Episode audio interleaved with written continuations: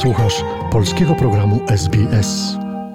Mam y, ogromną przyjemność rozmawiać z panią Bogusławą Bliszczyk, która w minioną niedzielę, a dokładnie z okazji urodzin królowej Elżbiety II, została wyróżniona medalem Order of Australia Medal.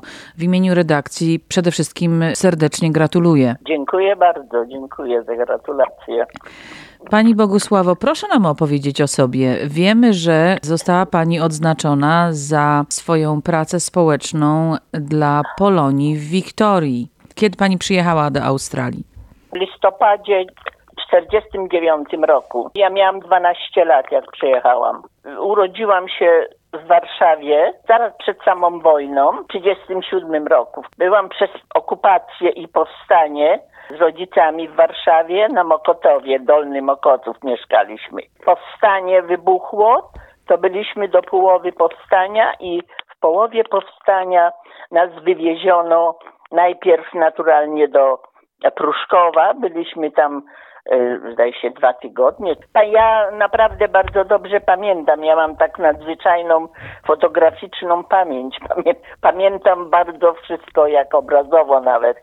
No i w tym Pruszkowie tam sortowali ludzi i nas do Niemiec przeznaczali, bo niektórych z małymi dziećmi zostawiali, a powiedzmy osoby, które były do pracy, czy jeszcze tak mieli już trochę starsze dzieci, to jakoś nas przepuścili i no i do Niemiec nas wywieziono.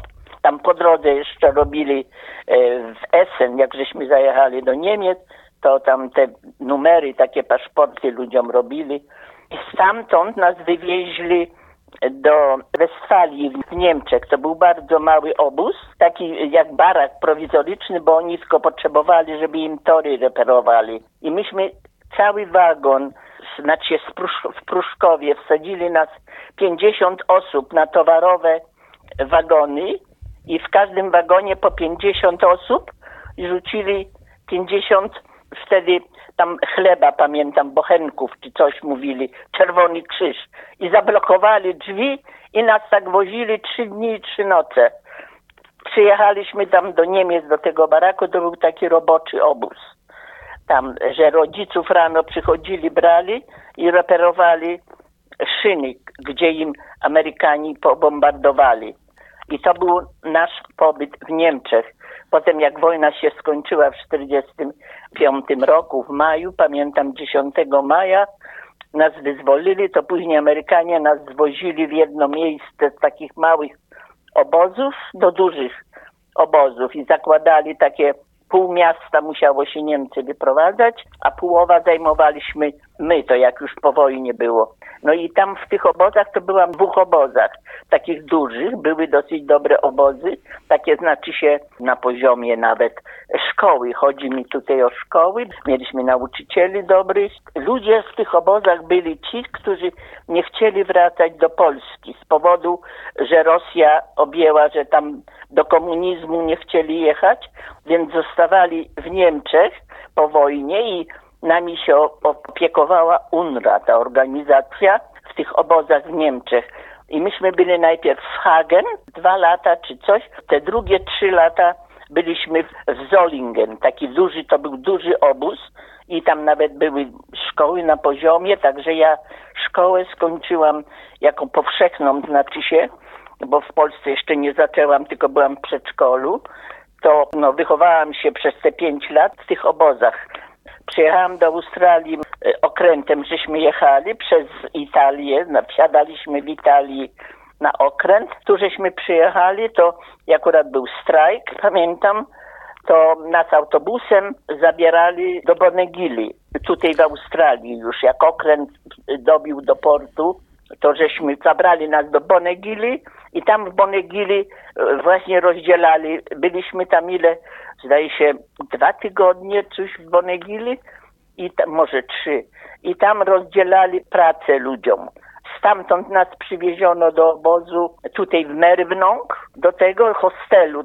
To były takie te, takie jak budki, takie co tam była kiedyś fabryka amunicyjna i tam te budki porobili, poprzedzielali takie te budynki i myśmy tam zamieszkali. Ale to był taki jak hotel prawie, bo dawali nam mieszkania, znaczy takie były porobione te, z tych budek, takie, takie mieszkania. Myśmy mieli dwa pokoje na przykład, bo siostra miała 16 lat, to musiała już iść do pracy, bo kontrakt podpisywali ludzie. Dwa lata, nie wolno było pracy zmieniać. A poniżej 16, no to do szkoły. To myśmy w hostelu byli, ja byłam tylko z rodzicami, chodziliśmy na kuchnię, tak jak do hotelu, jedzenie, wszystko było w tym zaliczone, ale było tak, że ojciec zar- zarabiał tylko, bo ojciec był na kontrakcie, to zarabiał, to zostawało 7,5 funta, to 7 funtów płacił za trzy osoby z tym z hostelu, a tylko mu się zostawało 10 szylingów. Także taka była nasz, nasz początek, a po nas przyjechał taki autobus i do szkoły. Nas kilka starszych właśnie, już co po, mieli po 12 lat, ile no to już do high school nas dali. To albo do powszechnej szkoły i tu w Fuckraj była ta powszechna szkoła, a nas tam było sześć, zdaje się, dziewcząt czy coś, no to nas wysłali Fuckraj Girls School. To była dla dziewcząt tylko szkoła. I tam chodziłam, skończyłam. Ile pani miała lat, jak pani y, przyjechała do Australii? 12? 12 lat. Właśnie 12 lat miałam. No i ja, jak mówię, no poszłam tam, zawieźli nas tam do tej szkoły. Były bardzo ciężkie warunki, bo Australijcy, nauczyciele w ogóle nie wiedzieli, co z nami robić. W ogóle nawet przez kilka tygodni to się do nas w ogóle nie odzywali, bo mówili, że my don't speak English, że my nie rozmawiamy, nie umiemy. To tak, co się napisało, tam co było na tablicy, dopiero później tam trochę zaczęli coraz co tam, myśmy się już więcej trochę poduczyli. Tak po trzech miesiącach już się podłapało języka, a za pół roku no to już tam dość nieźle się mówiło. Tylko moje takie doświadczenie, że e, jak trzeba było, to ja tam z kilkoma osobami jestem takim typem, że jak ktoś coś potrzebuje, to ja podchodzę, czy tam jak i pytałam się, czy potrzebują pomocy, czy w sklepach, czy coś, ludzie nie, mog- nie mogli się porozumieć no to podchodziłam i tam z hostelu się dowiedzieli, to później jak słucham, że szkoły, żeśmy szli koło biura, to e, wołali mnie, żebym przychodziła do biura, bo zawsze był ktoś, co trzeba było przetłumaczyć, bo nie mieli ani tłumaczy, ani nic.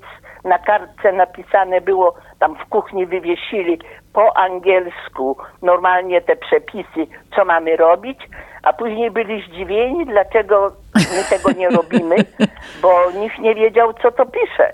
Było może z sześć osób, co umiało tylko po angielsku, tak dorosłych, że było. Także jak ja przychodziłam ze szkoły, oni widzieli, że ja tam e, ludziom tak no, po, pomagałam w rozmowie, jak już się angielskiego podłapało, bo starsze osoby nie miały żadnych możliwości uczenia się po angielsku, ani żadnych kursów, żadnych, no nic, nie było żadnej pomocy. To ludzie byli bardzo zgubieni.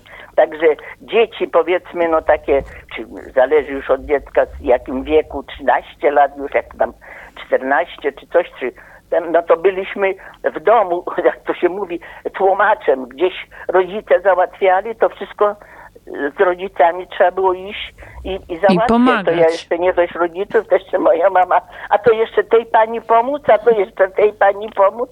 No i tak się zaczęło. Zaczęłam tak e, pomagać, czy w sklepach, jak tam przeważnie w Foodcry ludzie jeździli tam do stacji, czy coś czy nam, nam, nam nie wiedzieli, jakim autobusem jechać, czy coś. No to takie małe rzeczy wołali przez głośnik, żeby e, przyjść, no bo sami byli w kropce, naprawdę nie wiedzieli, jak się z tym wszystkim pogodzić, żeby to z tymi ludźmi się dogadać. No później już było coraz lżej, bo coraz więcej ludzi po angielsku trochę się tam czy poduczyło i to, i my ze szkoły, no to od razu prędzej się połapało. No i to tak trwało.